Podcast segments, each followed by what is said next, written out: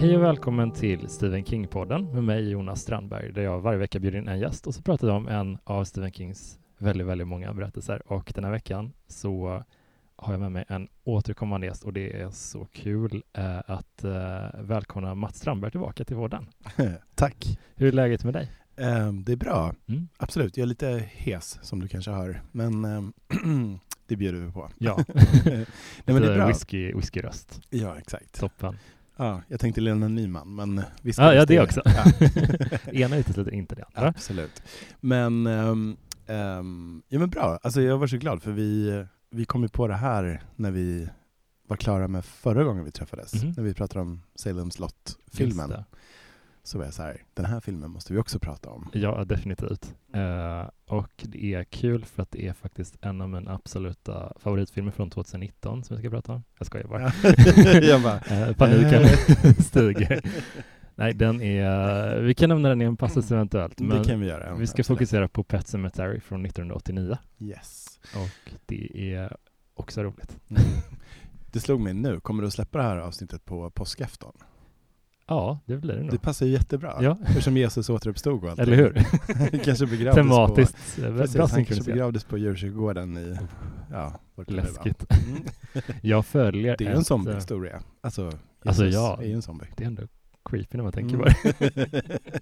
Alltså jag, jag följer faktiskt ett, eh, ett par på, eller grejen är så här, du vet när man ofta kollar på någons YouTube-videor men man kanske inte har förbundit sig till att följa dem Mm, mm, eller mm. prenumerera typ sådär. Så har jag med typ ett par, ett, det är två amerikaner, en kille och en tjej som är ute och besöker olika inspelningsplatser för skräckfilmer. Okej. Vilket i sig är en kul, ett kul koncept. Men man märker verkligen hur eh, killen är den, den som är fruktansvärt intresserad och tjejen går alltid så här tre meter bak och, och säger knappt någonting. Så hon är med hela tiden, eh, Okej. vilket är supportive girlfriend liksom. Mm. Men hon verkar inte alls tycka det är så kul. Men de har faktiskt besökt eh, några av inspelningsplatserna eh, till den här Okej, okej. filmen och eh, ibland ska jag känna att när man skannar av liksom så här, hur såg det ut när de gjorde den här eller hur, så, hur ser platsen ut idag, att det tar bort lite Mm. från magin. Men nu tyckte jag typ mer att, åh gud, finns många av de här Mm. platserna på riktigt? Ja, okej. Det är kusligt. Vilka, alltså fanns själva djurkyrkogården eller, Mm. eller den här Alltså den är, bergstoppen? ja, den, alltså det, det, är inte, det är ju stageat och lite fixat, men, men den, eh, det området existerar Mm. och området kring eh, huset, uh, Creed-huset Mm. eh, och den här ingången i skogen, den lilla stigen. Ah, ja. Allt okej. det där är liksom existerande platser, så det är ju Ah. väldigt häftigt tycker jag. Schysst.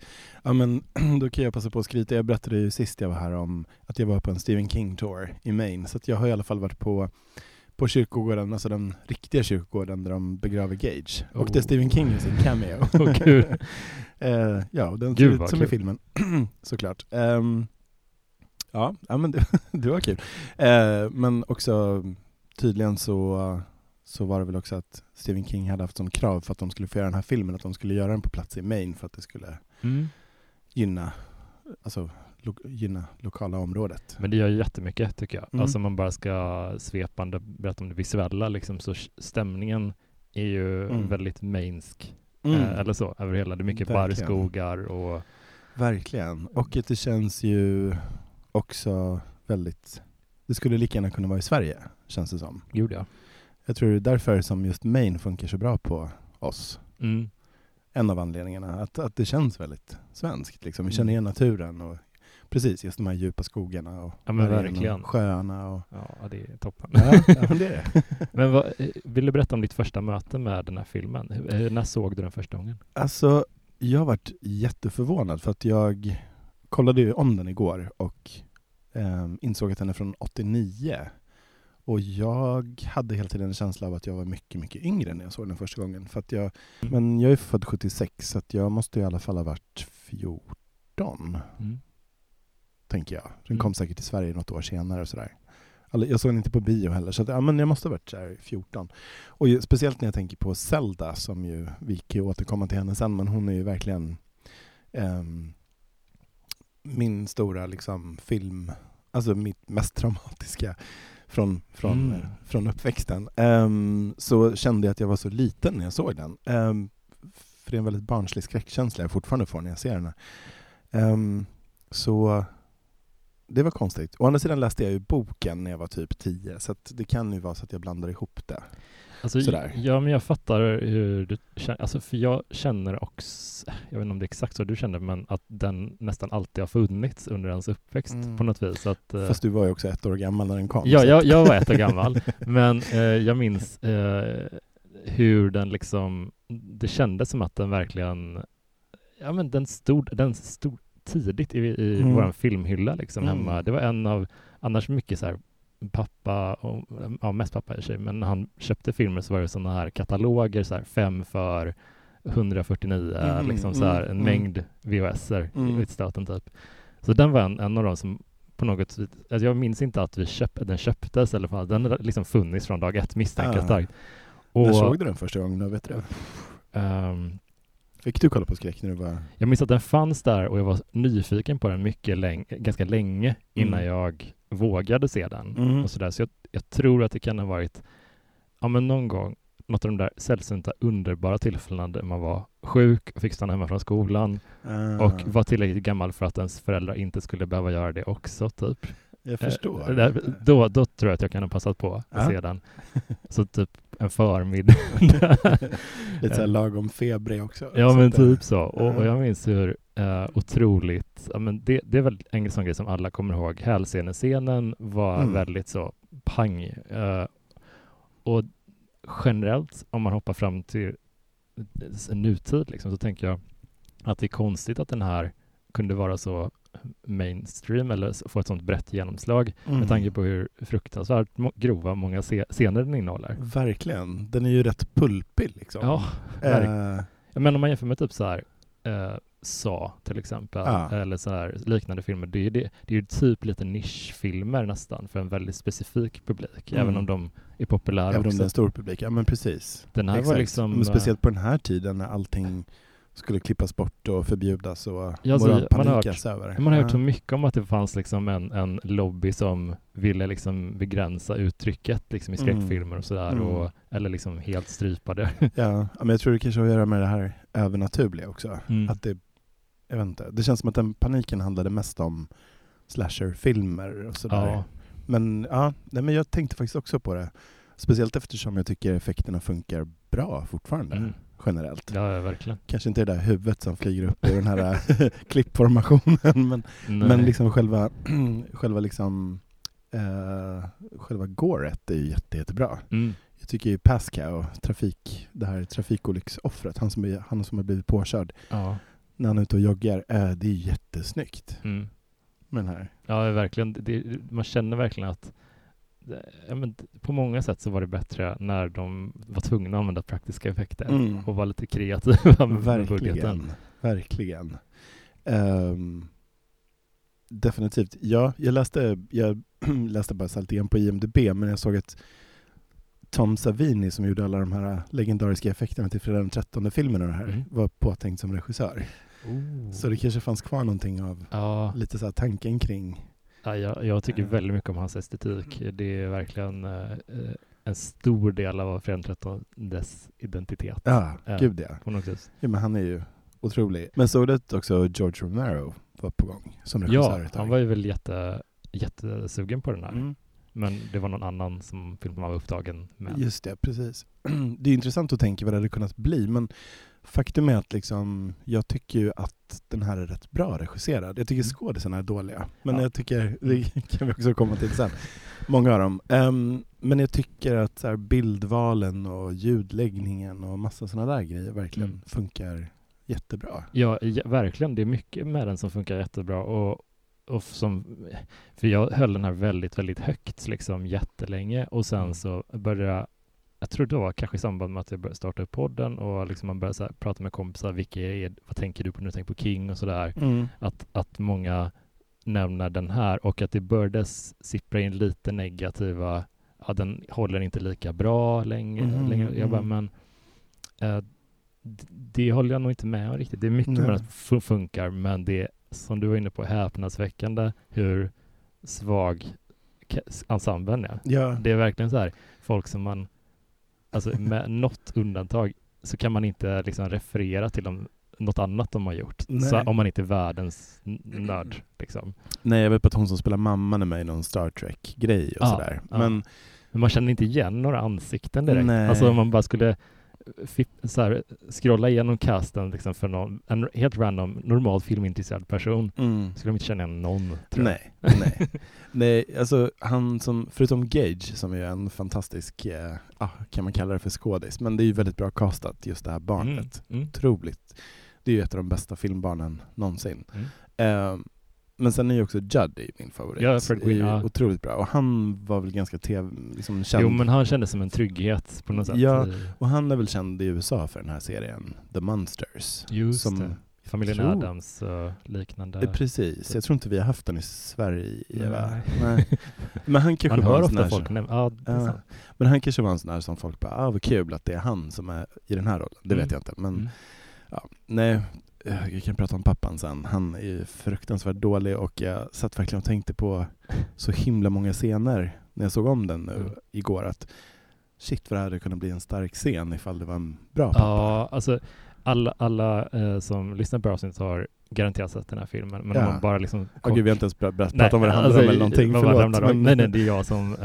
Jag men det, eh, okej. vi följer familjen Creed eh, som är mamma, pappa, två barn och en katt. De flyttar in i ett stort fint hus precis vid en motorväg och Otroligt dumt val av hus för en extremt. barnfamilj. inte tillstymmelsen till något staket eller Nej, nej, någonting nej. någonstans. Det var helt liksom och så ser det typ ut fortfarande på den verkliga platsen. Okej. Det är också så här, Mm. jag har inte lärt ett skit.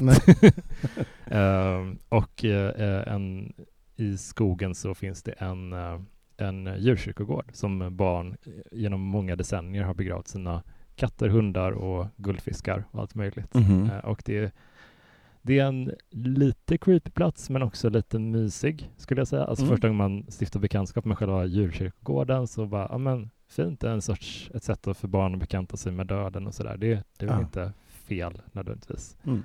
Så, men sen händer något fruktansvärt. Mm. Och eh, eh, Gage, eh, den yngsta pojken, blir eh, överkörd av en enorm lastbil. Och en- borde egentligen bli mos känner man ju. Ja, Men ja, han ja, ja. får lite ärr som de lyckas stitcha upp honom. han blir lite blek. Och eh, grejen är liksom att eh, grannen Judd, spelad av Fred Gwynn, har liksom planterat hos eh, pappa Louie att det, här, det finns liksom en, en plats bortom djurkyrkogården. Det finns en, han berättar en legend Judd om en, den här hunden som de har begravt där. Visst? Just det, precis det tror jag. Så är det. Och eh, hunden kommer tillbaka, men det är något konstigt med Mm. den. Mm. Så var det. Eh, och det här glömmer inte Louis då, utan Mm. han eh, bestämmer sig för att gräva upp sin son.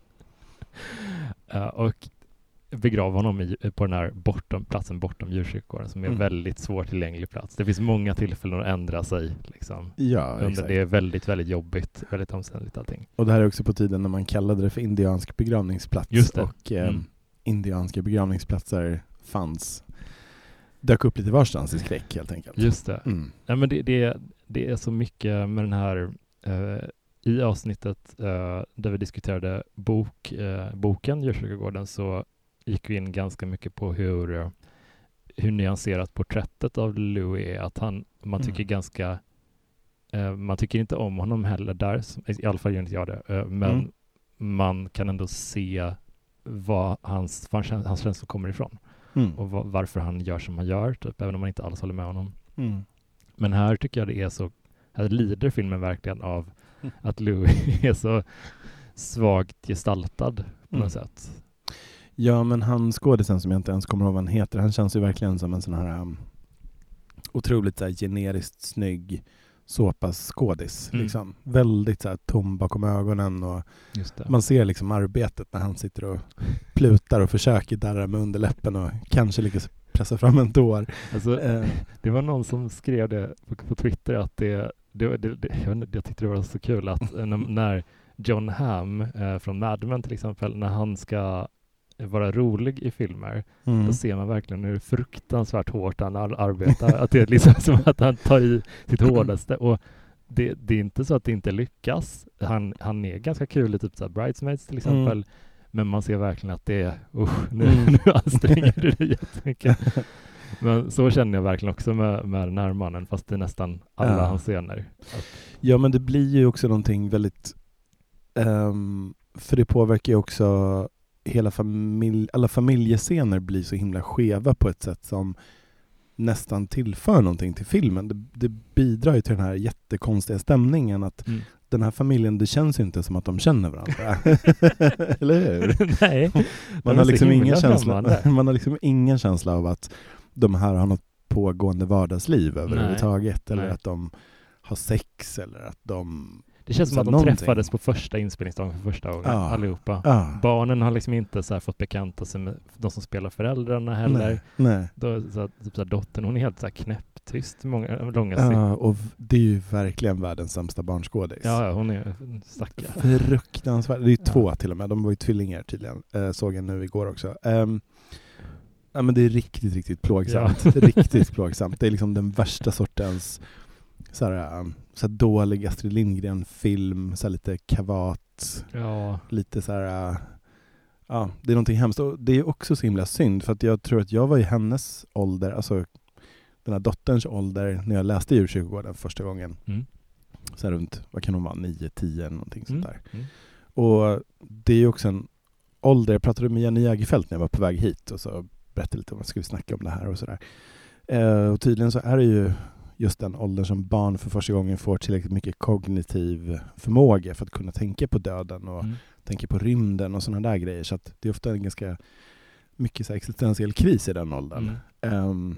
Och jag tror att jag identifierade mig jättemycket med henne när jag läste boken. faktiskt. Just det här att det, här, det är ju henne det är mest synd om i hela historien egentligen. Att hon Mm. är den enda som blir kvar. Ja, och familj. hennes föräldrar är liksom i en sorts lågintensiv konflikt Mm. eh, hela, alltså från start och Mm. de är inte där för henne, de är inte där för varandra. Mm. Det är liksom verkligen tre öar som blir kvar efter att Gage kör. Det Verkligen. är fruktan, alltså det, det är någonting som, jag tänkte på det rätt mycket nu när jag såg om, om filmen inför det här avsnittet, att filmen känner så oerhört mycket på att man har läst boken och Mm. kan läsa in eh, så här, det här sociala liksom, Mm. spelet mellan dem och man förstärker det lite själv, för så Mm. stark är inte alltid filmen. Det, det är en konstig det är ett konstigt hopp mellan, eller eh, det, kän- hur, filmen är väldigt välregisserad. Många gånger tycker jag har ett, ett bra manus. King har Mm. skrivit det själv. Och det, stämningen är många gånger väldigt effektiv. Alltså just, heter det cinema? Det, alltså vad heter det? När det är hur man visuellt presenterar en film. Ja, just det. Ehm, Ja, alltså production design. ja typ, att det ser Ja. bra ut och det ser liksom creepy ut Mm. och sådär. Så det är mycket som är bra. Och så slänger vi in den här, det här random gänget mitt i den här smeten. Mm. Eh, så att man, man är hela tiden lite så här på, av, på, av Mm. i vad man tycker om den här. Mm.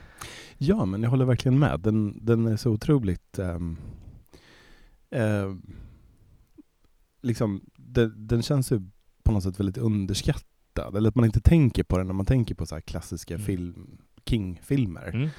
Men samtidigt så tror jag att väldigt många har väldigt så här varmstarka känslor för den, precis Mm. som jag har. För att den, den är ju... ehm, den påverkar ju... Det händer ju någonting med en när Mm. man tittar på den. Mm. Sen är den inte perfekt på något sätt. Det är ju ingen The Shining som är superslick och perfekt och välpolerad på något Nej, sätt. men verkligen. Det, den har ju den har uppenbara brister, men Men jag jag, tänk- tycker nästan att de bristerna gör... För mig är det nästan som att de bidrar på något Mm. konstigt sätt. Precis som jag sa, den här skeva känslan i familjen. mm. Bara det liksom... sh- Ah, det här kan ju verkligen vara mitt nostalgiskimmer som, som, som får mig att tycka så här också. Men, Nej, men jag tror jag förstår vad du menar, för ibland när jag ser eh, om The Shining, vilket sker kanske en gång om året ungefär, då tänker jag hur mycket den känns tänker på hur mycket den känns som ett konstverk och ja. att det känns lite som att eh, ja, ja, allting sker av en, liksom en matematiskt kalkylerad eh, anledning typ och här är det Mm. lite mera, här är det lite stökigare, lite slarvigare på sina Ja. ställen. Men det finns också en nerv i den. Ja, det är en mänsklighet som, Mm. som kommer av den här lilla taffligheten. Ja. Så jag förstår nog vad du menar där. Precis. Ehm, Ja, men gud, vad var det vi pratade om förut? Jo, att den här Judd-grejen, ehm, som ju förklaras mycket bättre i boken, men att han gör det här överhuvudtaget. Att han, först är det ju katten som dör dessutom. Mm, så att det, är- det är ju då de går till den här indianska begravningsplatsen inom situationstecken ehm, och begraver katten och katten kommer tillbaka. Eh, och Judd vet ju om att det här inte är någon bra idé, Mm. men han gör det ändå. Och jag har för mig, visst är det så att i boken så får man mycket mer känslan av att den här platsen har en vilja och Mm. får, får honom att göra det här. Ja, han blir besatt Ehm, av den eh, gradvis lite typ, som Mm. jag minns det. Ja, Att, att han verkligen den drar honom till sig. På något sätt. Precis. För det är ju lite sådär en brist också på ett sätt i filmen, att man får ju aldrig riktigt, man förstår ju inte riktigt känslan. Eller, Nej, och det, det är också lite, jag tycker det är lite, det är inte så att det skadar jättemycket, men i boken så är ju Judds fru med och spelar en väldigt stor roll. I alla fall i första akten typ. Och då sen när hon, eh, när hon dör så är eh, Louis där och liksom, han, han räddar henne vid ett tillfälle liksom och är ja, han är väldigt närvarande och hjälpsam och de bondar på så sätt. Det hade kanske blivit lite svårt att få in det i, i den här filmen men det hjälper boken väldigt mycket och man Mm. förstår på ett annat sätt varför Judd vill hjälpa till sen och mm, bandet mellan familjerna är liksom lite diffust i filmen kan Mm. mm, verkligen. Ehm, just det, det kanske hade blivit lite tungrott i filmen, att han skulle gå igenom sin sorgeprocess. Ja, och- att det blir liksom hade det hade varit en, en modern skräckfilm så hade det kanske funkat med tanke på att de alltid är jättelånga. Mm. Ja, men jag vet inte riktigt. Det, det är lite svårt att säga om man sa, jag tänkte nog inte på det innan jag hade läst boken. Så, så är- ärligt talat så kanske inte det, det man kan ändå köpa att han ser ett barn vara ledset för Mm. sin f- döda Ja, katt och vill Absolut, det till. funkar helt okej. Men, eh, men jag tänkte verkligen på det nu när jag såg filmen att ehm, man skulle nästan kunna läsa det som att, um, att Judd har en, då, alltså en lite ond agenda eftersom han, det känns nästan som att när, han, när Gage har dött och Judd kommer till Louis, pappan där och börjar prata om att ah, men jag vet vad du tänker på, du ska inte begrava honom där uppe Mm. nu. Mm. Ehm, det känns nästan som att han är där och planterar tanken. Mm. ja, verkligen. Men jag tror inte att det är meningen och eh, så. Jag, jag väljer att älska Judd. Jag tycker väldigt mycket om honom. Han känns ju också som en så otroligt klassisk Stephen King-karaktär. Mm. Den här main-gubben med Mm. sunt förnuft. Eller ja, han har inte sunt förnuft med tanke på vad han gör, men han verkar ha det. Lite såhär jordens salt och lite Ja, här, Men verkligen. eh, ja, liksom Ja, men han är ju, han är ju som, eh, han, han, pra, han är väldigt pratsam också, Ja. vilket jag tycker är lite och underbar dialekt. Jag kan inte avgöra ifall den är trovärdig, men jag älskar, Ja. älskar hur, hur han pratar i filmen. Gud ja, men verkligen. Men jag tycker kanske att uh, hans alla hans scener där Fred Gwynn, alltså Judd är med, eh, de, tycker jag lyfts av att för många år sedan så intervjuade jag regissören Sam, jag kommer inte ihåg, Pillsbury, Sam Pillsbury heter han. Han regisserade en, eh, en erotisk thriller som heter Zandali som Nicolas Cage spelar huvudrollen i. Okej. Och han berättade att eh, eh, n- i alla scener där Nicolas Cage var med, det här var kanske 15 år in i hans karriär ungefär, Mm. då var det liksom några av de yngre skådisarna. Eh, I alla andra scener, när Cage inte var med, då var de lite så här, ja men kaxiga och diviga. Mm. Men så fort Cage kom, var med och spelade mot dem, då skärpte de till sig och betedde sig exemplariskt. Typ. Eh, De lyftes liksom av hans närvaro därför att de hade väl en jätterespekt då för honom. Liksom. Okej, Att, men när var det här? Alltså, var det, alltså när den filmen? när Ja, tidigt 90-tal skulle jag säga. Ah, Okej, så då var Nicolas Cage fortfarande, han hade inte blivit Nicolas Cage? Nej, men han hade inte fullt blommat ut Nej, till okej. eh, sin persona. Liksom. Jag tänkte annars hade det kunnat, om det hade varit nu hade det kanske varit tvärtom, att så här, Ja. unga skådisar bara pressade sig till sitt Ja. yttersta för att nå samma nivåer. Gud, ja. En jävla utmattande scen. Ja, jag ska se Men- den här Renfield-filmen på tisdag för övrigt. Jag Ah. ser fram emot det. Ja. Ja, men jag med. Det var kul! Ja, ska du gå på den? eh, va? Ja, någon slags förhands... eh, Men gud, jag ska grej. prata innan, innan för den om Ah. Nicolas Cage. Ja, vi ses. Kul! Ja, vi ses då.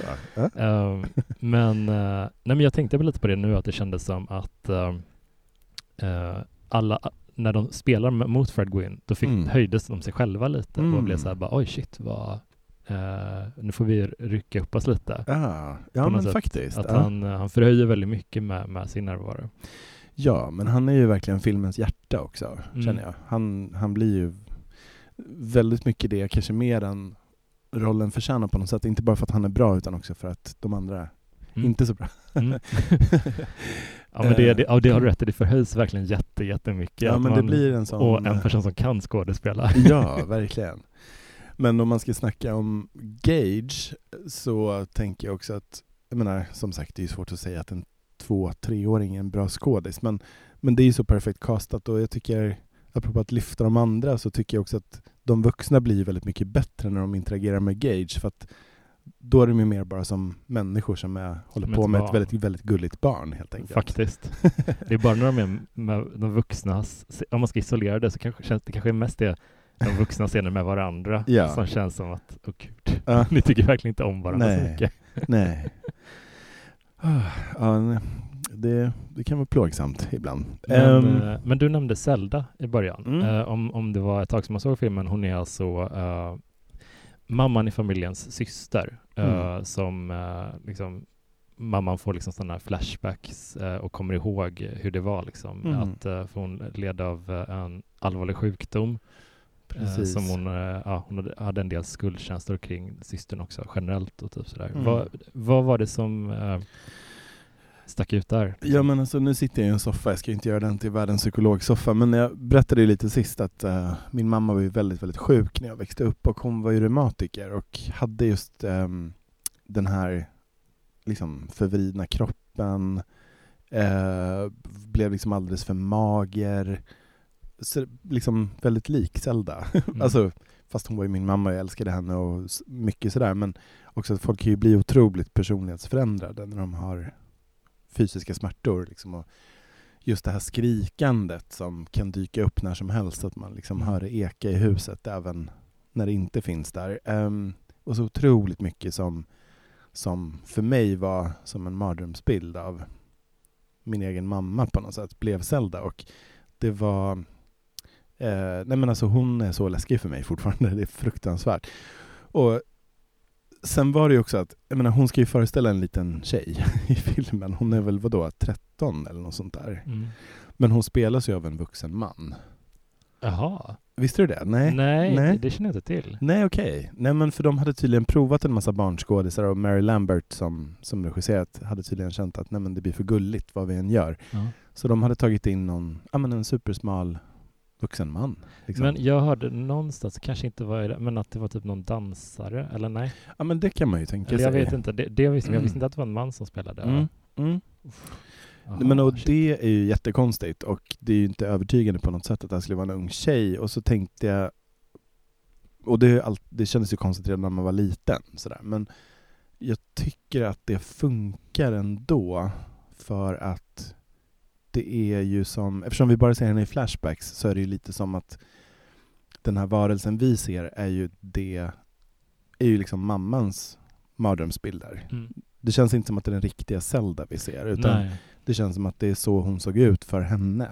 att de fick se henne förändras liksom. Ja. Eller- Och sen, det här fattade jag ju inte alls då, det här läste jag någon, någonstans för ganska länge sedan, men att när de går runt i det här, när man ser henne gå runt i föräldrahemmet i det här huset, ehm, så finns det ett porträtt, jävligt creepy porträtt på någon litet barn i, i den här blåa klänningen som, som Gage sen har på sig. Mm.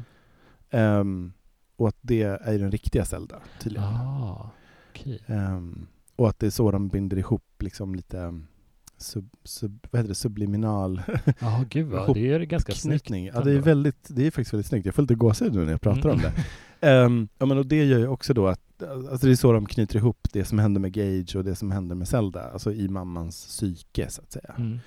Ehm, så att, om det finns så tänker jag också att då måste ju det betyda att den Zelda vi ser är mammans liksom, Ja. mardrömsbild av henne. Helt Jätte, enkelt. verkligen jätteintressant när man tänker på det. Alltså Mm. det, det, det är så mycket med den som...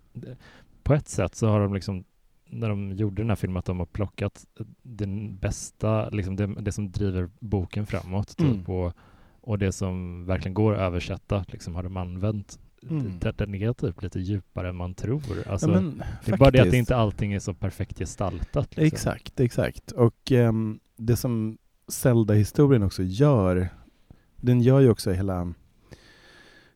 Den påverkar ju nutidshistorien på riktigt, för det är ju den som är anledningen till att mamman fortfarande inte kan acceptera döden och inte kan acceptera att ehm, hennes man Louis, som ju är läkare och som ju har en vet- vetenskaplig bild av döden, och Mm.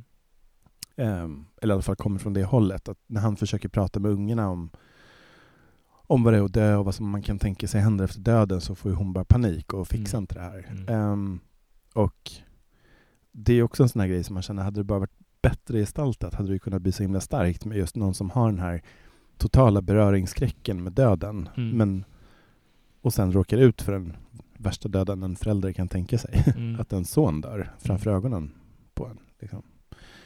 Ehm, det är ju, ehm, men det ger någon slags klangbotten tycker jag till hela den här familjehistorien och, och, och en känsla till varför hon är så fucked up och Ja, kall. men jag tycker den gör, den lyf, det lyfter den på ett sätt över eh, en aspekt av Shining-filmen till exempel, tycker jag. För där, hon har ju fått upprättelse delvis i efterhand, men Shelley Duvall var ju länge liksom ganska bespottad Mm. för att åh gud vad irriterande och jobbig hon är. Alltså Mm. klassisk eh, kvinnohatsgrej liksom. Mm, Eh, mm. Skyler i Breaking Bad, samma grej lite. Mm.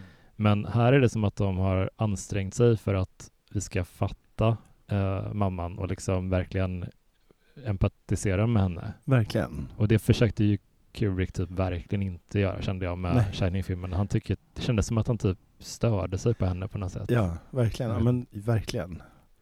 Ehm, eller framförallt bara såg henne som ett verktyg och så man kunde plåga hur mycket som helst bara för att få fram rätt Ja, reaktion. Liksom. Men det är också en grej att så här, hade det varit en bättre barnskådis som spelade dottern i den här filmen, då hade man ju också känt ett släktskap med Danny i The Shining. Det känns ju som att de tillhör ju samma ehm, det, är- det är samma förmågor de har Ja, på något 100%. sätt. Det är, det är The Shining. Mm. Hon också upplever när hon drömmer sanddrömmar och ser saker framför sig och sådär. ja, ja och det, det, där funkar det ju verkligen. Ja, men jag, däremot så kollade jag och tydligen så ehm, att han som spelar Gage var ju så himla liten att han, de har tydligen, han var ju inte med under själva de här skräckscenerna Mm. utan de filmar grejer som han kunde uppleva som, Okej. som lek. Mm. Men sen ehm, ehm, liksom de här riktiga, och det ser man faktiskt när man tänker på klippningen att det är en docka istället Mm. eller att det är en Det är ganska, eller liksom, även om man ser det så är det ändå ett smart sätt att få fram Mm. hans eh, gleeful eh, Verkligen, attityd. för det funkar ju så himla bra. Ja. Och det är faktiskt att, att ehm, ja, de vill inte traumatisera honom helt enkelt. Det tycker jag är sympatiskt. Och det Mm. funkar faktiskt väldigt bra. Det hade ju kunnat bli Mm. helt hopplöst. Men, men det jag- kändes nästan lite skönt att veta det när man såg filmen nu. Att han, nej, Ja. han, han behöver inte gå i terapi för det här. När han Nej, det är han är- undrar varför jag bet upp en gubbes hals. Liksom.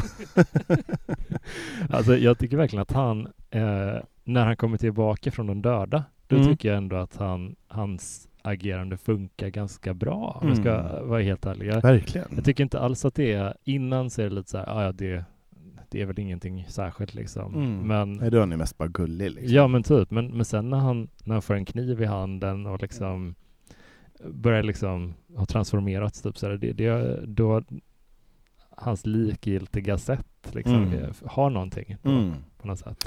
Verkligen. Och just det här äh, vattenkammade, bleka, att han ser ut att komma från Ja, ganska nybegravd. Liksom. Alltså verkligen. Och ehm, att han har lite, ja men gleeful väl ordet. Men Jag- det, jag kan inte sluta chockas över hur eh, ännu mer i, i filmen än i boken, ur att, att Louis väljer att göra det här. Alltså den, de här många stegen av att ta tillbaka honom Mm. till livet fast han har en stark känsla av att det absolut inte kommer att bli bra. Nej. Allt tyder på att det inte kommer att bli bra. Ja.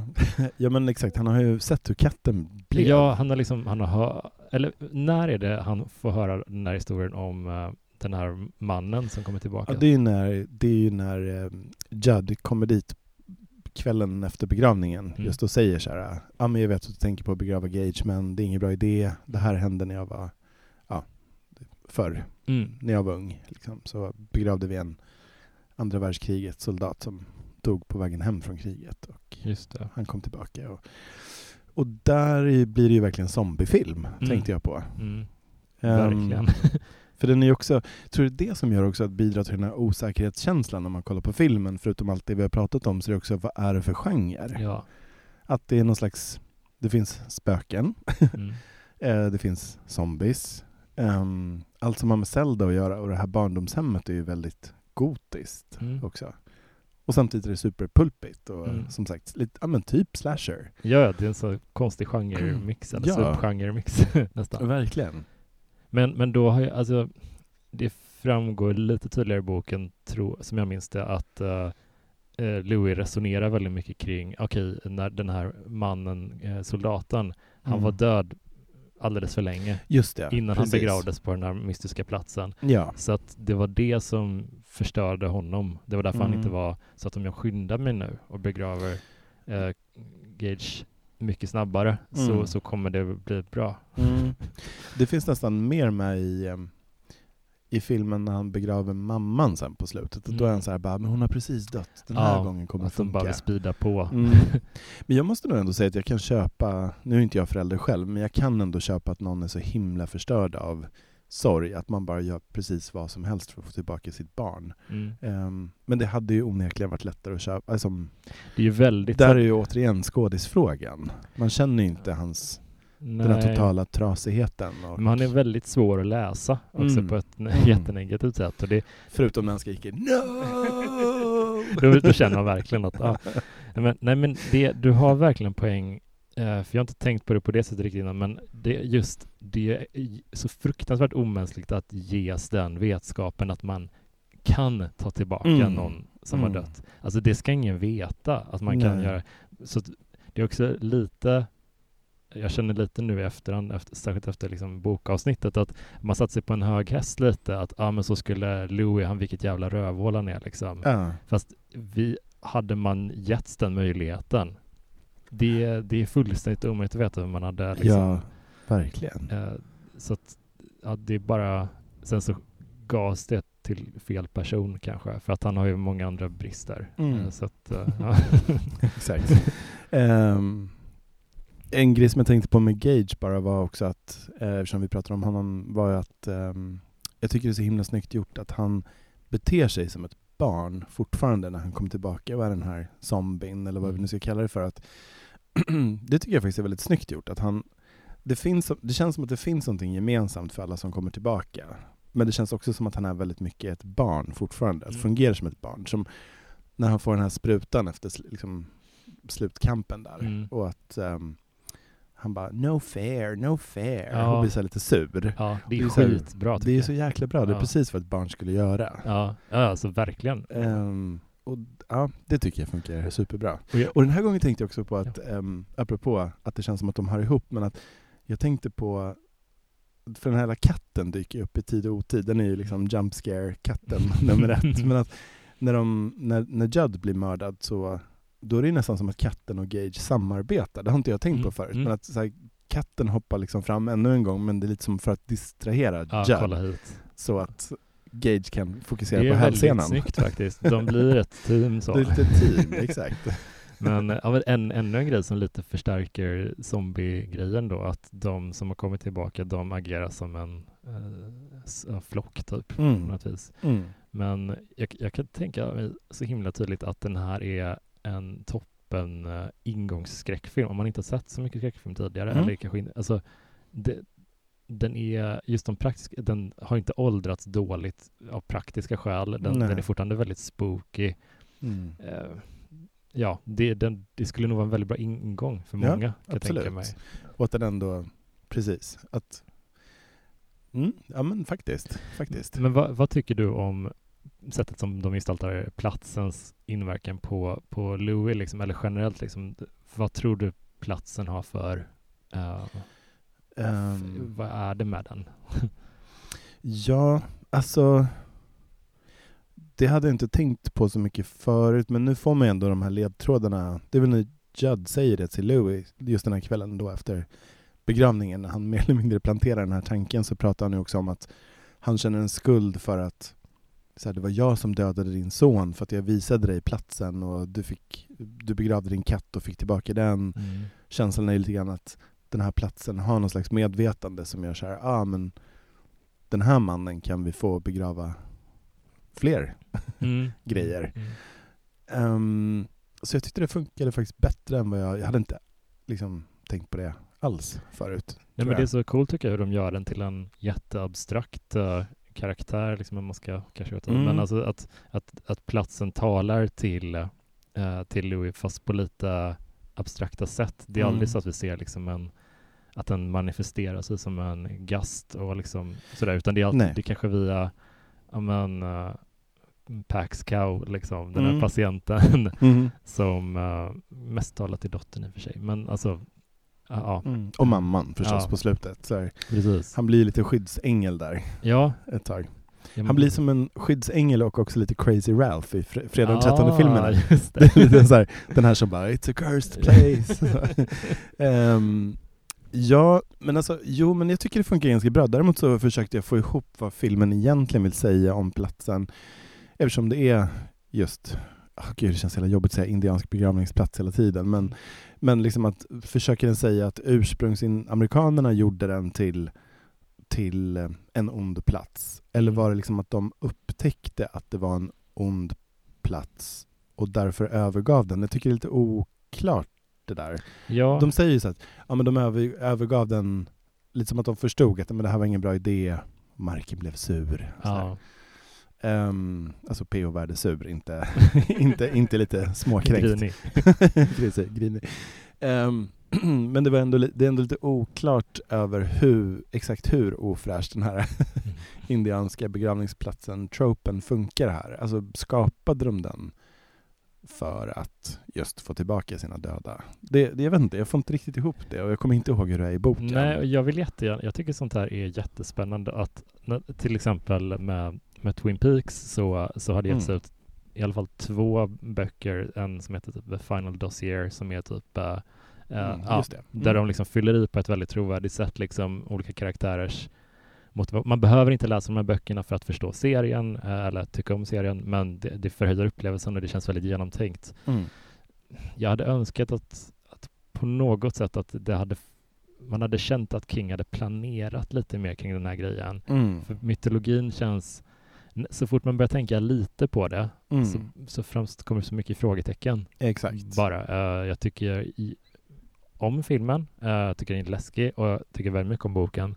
Men den här aspekten kring platsen är bara, det känns som att jag hade velat veta mer, eller hade, hade, jag hade velat känna att det finns en, en, rik historia här. Mm.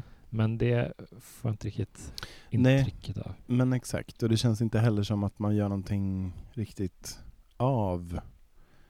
Ja, jag vet inte. Men är det kanske, hade, kanske om man hade återvänt till att, att den hade dykt upp igen i någon annan, för att det har ju ändå gått så himla lång tid sedan Alltså det hade inte behövt vara en uppföljare till Djurkyrkogården, det, det har gjorts i Mm. filmform. Mm. Men att det på något sätt, att, att den dyker upp igen, att man först, får veta lite mer kring platsen. Typ. Exakt. Något sånt. Berika Precis. mytologin lite bara. Ja, verkligen.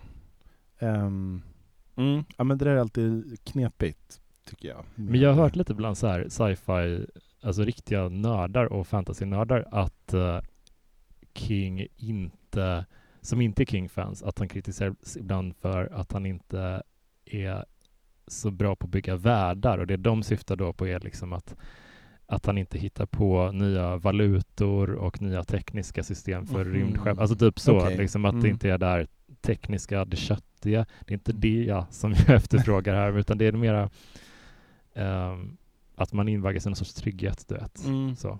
Men det är också lite så här, om man ska använda en sån plats med den historien, då vill man ju ändå känna någon slags, vad vill du säga med det här? För Mm. att jag menar, ehm, nu kom inte jag på något bra exempel, men, men ibland kan det ju, jag säger inte att det här är bättre, men of, ibland kan ju så här native american-prylen användas lite grann för som så symbol för liksom vita Amerikas dåliga samvete Mm. över den här Mm.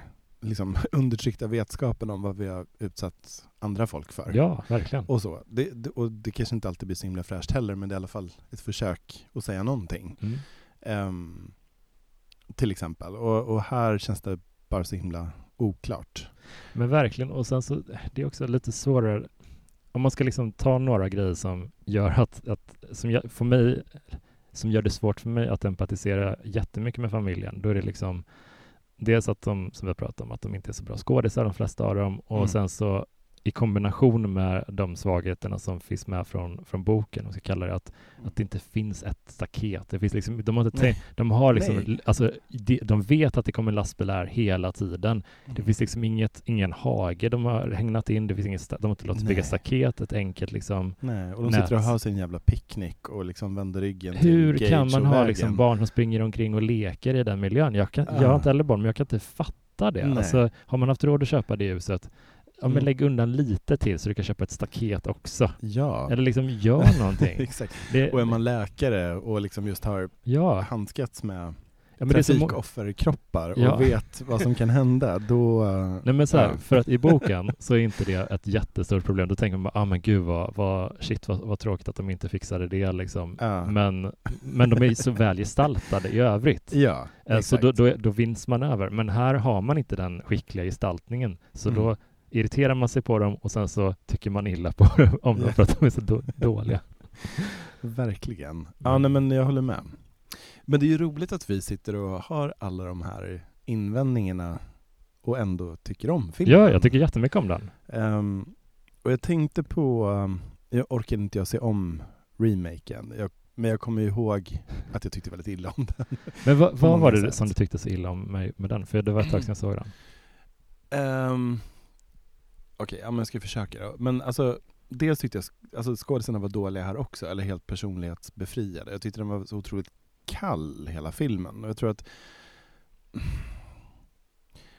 Alltså, det kändes som att de här känslomässiga drivkrafterna var lite försvunna i Mm. den. Eh, och gud, det här blir jättesvårt för inte... Men det här att de byter ut, kan jag spoila? Ja, spoiler alert för den här 2019-versionen. Men, men att där är ju dottern som dör istället då. Mm. Och att...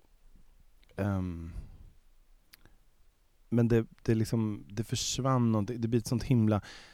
Jag förstod inte slutet, vad håller de på med? De, de bara springer upp och ner, upp och ner och begraver varandra och så här upp för Källarbacken. det är också eh, väldigt jobbigt stämning. att ta sig upp för den. Alltså, Ja. det, det ska vara en svår Ja, och liksom som att de ska skapa någon zombiefamilj på slutet. Och jag vet inte riktigt varför. Om jag, de ska... hörde, jag hade en så himla kul, lite deppig grej om den här filmen för att jag såg den och eh, hade liksom inte hört någonting och Mm. tyckte väl, ja men den var väl helt, alltså jag tyckte nog den var helt okej liksom. Mm. Det, det, hade- det hade inte så mycket nya idéer, det var liksom, det var som att se, ja, en, höra en coverversion Mm. eh, Ja, men som inte är ja. riktigt lika bra, men den, Ja. den är väl, Ja. ja. Men så hörde jag en intervju med film, de regissör, regissören till den, han berättade att eh, eh, det är den stora grejen, den största kreativa skillnaden som den har är att de byter barn som dör. Det är, det är dottern som du sa. Mm. Och det, jag blev genuint riktigt överraskad av det när jag såg den. Jag trodde shit, de, hade, Mm. de, de hintade länge om att, att det skulle vara sonen. Mm. Men så blev det ändå dottern. Så det var ändå en överraskning. Ja, Men, tyvärr hade de ju med det i trailern. Ja, Eller ja exakt, det är det! Det är det! De var Ja. med i trailern! Ja, Hur sjukt är det? Ja, det så. enda som de har liksom i sin ringhörna. ja, Det är det de... ja. Hur- jag var så sur över att jag hade sett trailern när jag Hur såg kan man spoila det? Ja, för det hade ju varit jättekul att få bli så här chockad. Men det, Då förstår jag verkligen att du, var, att du inte tyckte så mycket om nej, nej men det var nog faktiskt mycket Fy det. fan vad tråkigt. Och, och, och att liksom bara hela slutet ja, blir så jävla konstigt. ja men de här maskerna de kör med och Ja, som inte, och vad är det? Vad betyder Ja, det? ja. Och att det blir lite så Annabelle-grejen, att jag tycker Annabelle blir så fånig för att den dockan är så uppenbart creepy från början, vem skulle vilja ha den? Det är, det är lite samma sak med den här djurkyrkogården just, precis som du sa, att i originalfilmen så är den ju ganska, men den är lite gullig, att, Mm. det, att den finns där. En är ju- glänta i skogen typ. Ja, och det gör det ju mer creepy när det väl är laddat med creepy. Men, men i den här filmen så är det ju bara så här. Här har vi en skräckfilmsversion av Ja, en ja, det är så hjärndött. Det är så himla korkat. Ja, det är så ytligt. Men, och det var, men när jag tänkte på remaken så, så insåg jag också att det var kanske därför som den här filmen vi pratar om nu ändå går in någonstans. Att den handlar ju så mycket om sorg Mm. och att död faktiskt betyder någonting. Alltså Mm. för det... alltså död är egentligen alltså, även om alla skräckfilmer nästan handlar om död i någon form, så det är ju sällan man får se tragedin den leder till. Och Mm. här är ju hela filmen, eller nästan hela filmen, handlar ju egentligen om det. Alltså Mm. de som blir kvar och, och, och ja, att försöka hantera Ja, andras död. verkligen. Så det är ju otroligt egentligen att ehm, ja, men, det är ju en film om trauma. Mm. Och det är kanske därför den ändå går in någonstans. Ja, men jag tänker också att eh, även om vi båda har kritiserat eh, flera aspekter av filmen så Mm. det hade vi ju inte kunnat göra om vi inte hade sett den väldigt många gånger. vilket vi inte hade gjort om vi inte hade tyckt om den. Så Nej. att, eh, det är ju, jag fick lite, eh, inte kritik exakt, för att det, det är en väldigt vänskaplig ton i Facebookgruppen till den här podden. Men Okej. efter avsnittet om Finders Keepers, som är den andra Bill Hodges-boken, så här deckartrilogin, Mm. Mm. Då var Är det jag... Mr Mercedes? Är det Ja, precis. Okej. Mm. Del Mm. två i den liksom. Mm. Och då, eh, jag tyckte den var ganska bra och Julia, min gäst, tyckte den var lite sådär typ. Och Mm. då bröt vi ner ganska mycket så här, vad det var tyckte var som funkar och som inte funkar. Och då upplevde några av lyssnarna att, att, det, att vi sågade den. Mm. Eh, fast det Mm. var inte alls, alltså inte från mitt håll, jag tror inte riktigt från Julias heller liksom, utan Nej. det var ju mer att, ja men det är irrit- på ett sätt när man ser något man tycker om i stora drag så är det lite irriterande när man ser dem inte ta det hela vägen i mål Mm, bara. mm, så mm. är det ju lite här att Mm. det finns så mycket som är så bra med den här Precis. filmen och Men ibland är det ju som att en sån, just sådana grejer kan också få en nästan att tycka mer om filmen för att man blir tvingad att lägga till så mycket själv. Mm, Eller jag mm. vet inte, det, är, det här kanske är för att jag skriver själv och sådär, men, men för mig kan det ganska ofta vara så att en film som Event Horizon, pratade vi om den sist också? nej, För den brukar jag använda som mitt exempel på, du vet vilka jag menar förresten? Sci-fi skräckfilmen eh, är av- den med Ethan Hawke när ni tar upp eh, Nej, det här är den med Sam Neill och ehm, ja, lite annat. ah, Nej, den har jag nog inte sett Ja, men den är jätte, så här, typisk 90-talsskräckis. en Så här, den är så här, väldigt mycket Solaris fast en super-gory Kul. skräckfilm. Ehm, men den är, inte heller, den, den är precis samma stämning egentligen faktiskt som Djurkyrkogården. Att det, det är som att det finns en jättebra film gömd inuti en dålig film. Mm. Och man kan liksom se den bra filmen på något konstigt sätt Mm. genom det där som inte funkar och Ja. älskar den väldigt mycket. Det är som att den blir ens egen på ett annat Ja. sätt än om den bara hade varit jätte, jättesnygg. Ja, men jag fattar verkligen vad du menar. Jag, jag, jag tycker också att det, det är så mycket, på ett absurt sätt så är den här uh, Djurkyrkogården 1989, eh, Mm. den är, den är ba- barndomstrygghet för mig på Mm. något sätt. Att, att den introducerade mig till skräck på ett väldigt liksom så här, ja, men Mm. bryskt sätt. Mm. Men som man ändå, det var inte hantverksskickligheten var uppenbarligen tillräckligt hög för att man skulle lockas att stanna kvar i, i genren och tycka, kolla på mer filmer och läsa mer böcker. Mm. Så det är ju väldigt, det är ju jättepositivt. Mm. Men eh, ja, jag vet inte. Det, det är också kul att... att vad har du sett i Djurkyrkogården 2? Ehm, ja, och jag Mm. gillade den ju inte Nej. då. För att den är inte som Djurkyrkogården alls. Nej. Även om det är samma regissör. Men jag har förstått som att den har börjat få lite sådär att den har blivit lite, kanske inte fanfavorit, men att den Ja. har fått någon slags, något slags... Ja, men jag har också Uppsving. noterat det där och jag, jag undrar Ja. så himla mycket. Jag har inte sett om den. Har du gjort det eller? Eh, nej, för fem år sedan kanske. Så Ja, ändå, det jag kommer inte jätteväl ihåg det, men jag minns liksom ändå grova drag typ. Och jag tänker att det, det är så himla mycket den stämningen kring eh, eh, jag gjorde en lista över de säm- sämsta skräckfilmsuppföljarna Mhm, för mm, just Café det. ett tag sedan. Och då, då hade jag med en film som heter Texas Chainsaw Massacre The Next Generation som är den fjärde filmen i den uh, serien. Ah, är det den med Renee Zellweger? Ja, va? Matthew McConaughey. Ja, ja, ja, jag har aldrig sett den. Ja, den, är, den är fruktansvärd, Mm. men, men den har, Jag har jag upptäckt fans. Och, och jag Okej. tror att de har liksom uppstått i, i den mobbningsstämningen som efter ett tag eh, blir liksom rådande kring en, en kalkonfilm. Mm. Alltså om, om väldigt många människor säger att ah, det, där är en, det där är en skitfilm, alla tycker det, alla håller med om det. Mm. Då kommer till slut någon liten klick börja tycka synd om den här stackars själlösa skapelsen. Liksom, Ja. bara vilja liksom ta till sig den. Ja. Eh, och då byggs det liksom upp ett försvar Ja. på något vis. Och, ja, ja, men det känner man ju igen själv att ja, ja, alltså verkligen. Mm. Man blir alltid mer defensiv så fort någon kritiserar det man gillar. Ja, ja, det är Eh, skitjobbigt. så jag först- ja. Men ja, Så, men så, fan- kän, så känns det som att det kan ske lite med den. Ja, ja men alltså jag kommer inte ens ihåg vad den handlar om. Jag kommer att det är mycket motorcyklar och att det är Edward Furlong. Ja men det, det är typ Ja, och att de åker förbi Creed-huset också det. Mhm. någon gång tror jag. Och, men ja, jag vet inte. Nej, den är ju väldigt fristående liksom. Ja. Och en helt annan ton. Och jag, jag, jag kan inte fatta att det är samma regissör. Det är ju Nej. helt sjukt. Nej, gud vad... Jag kollade på hennes IMDB och ja, hon verkar ju jobba väldigt mycket fortfarande men det Mm. känns som mycket så här konstiga julfilmer och tv-avsnitt här och där. Ja men lite så. lite så, exakt. Gud, ja. Nej, det är roligt att hon har regisserat massa Madonna-videor också. Ja. like a prayer-videon. Är det så? Har hon gjort det? Ja, Ja, men det är ändå, många av de här klass, liksom, mest ikoniska från 80-talet. Det är ändå ett snyggt eh, CV liksom att ha djurkyrkogården och Madonna på sin Mm. eh, resumé. Hon har tydligen det som regel att man får aldrig fråga om henne i intervjuer. Hon kanske är väldigt trött på det. Ja. Eller så var hon bara, Undrar kanske bara fråga om- traumatiserad av inspelningarna. Undrar man frågar om djurkyrkogården 2.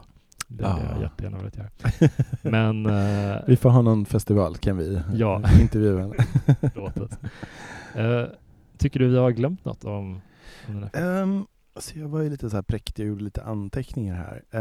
Uh, ska vi se om, vi har, om jag har kvar någonting som jag har. Ehm, det känns inte så...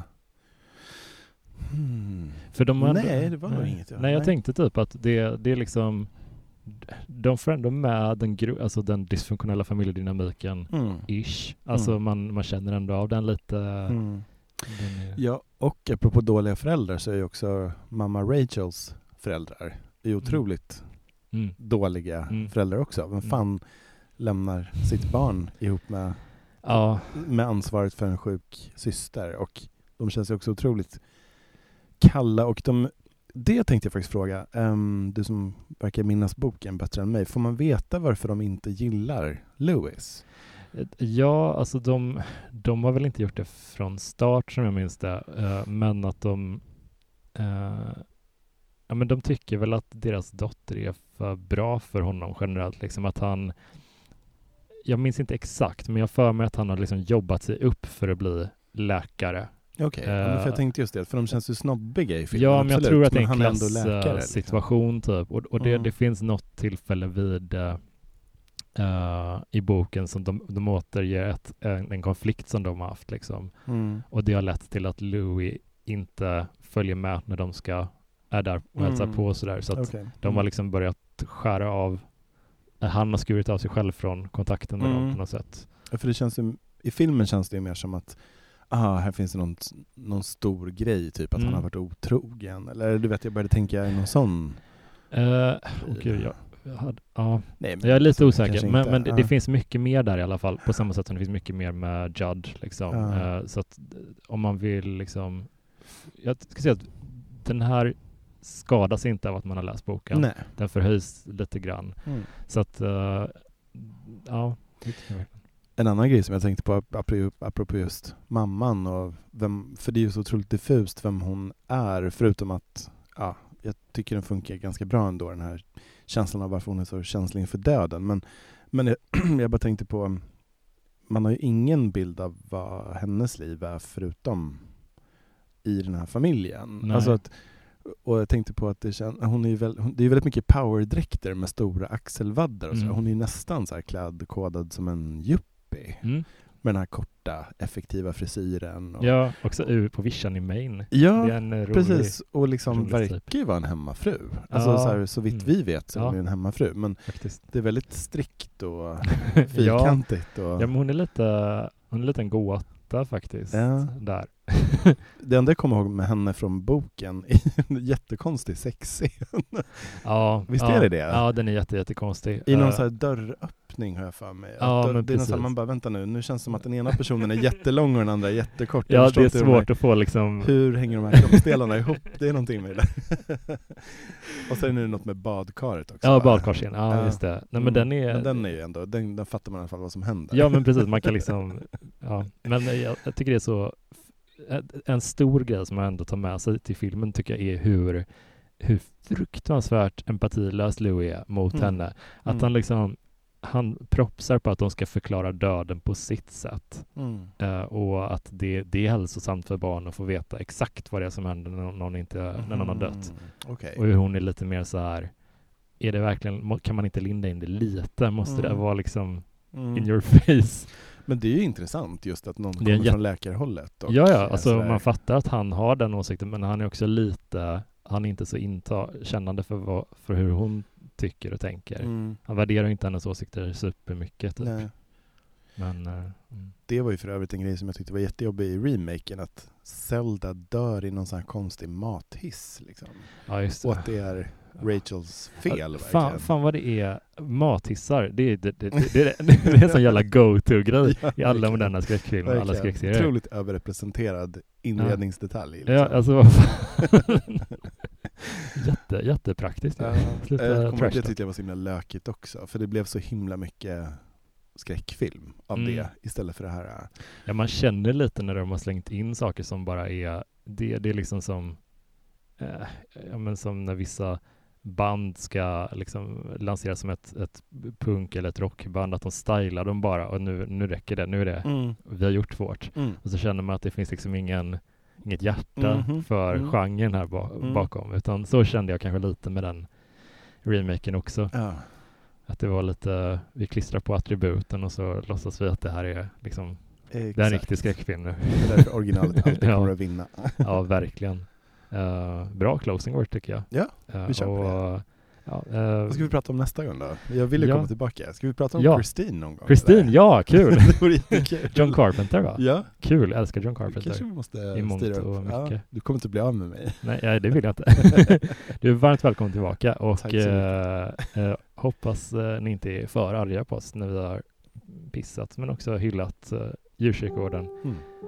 som nu tyvärr på Wikipedia heter Djurkyrkogården 1989. Ja. Eh, så att, eh, ja, det är öde som den har gått till mötes. Men eh, ja, tack för att du har lyssnat. Tack för att du har gästat. Tack så mycket. Ehm, vi hörs snart igen. Hej då!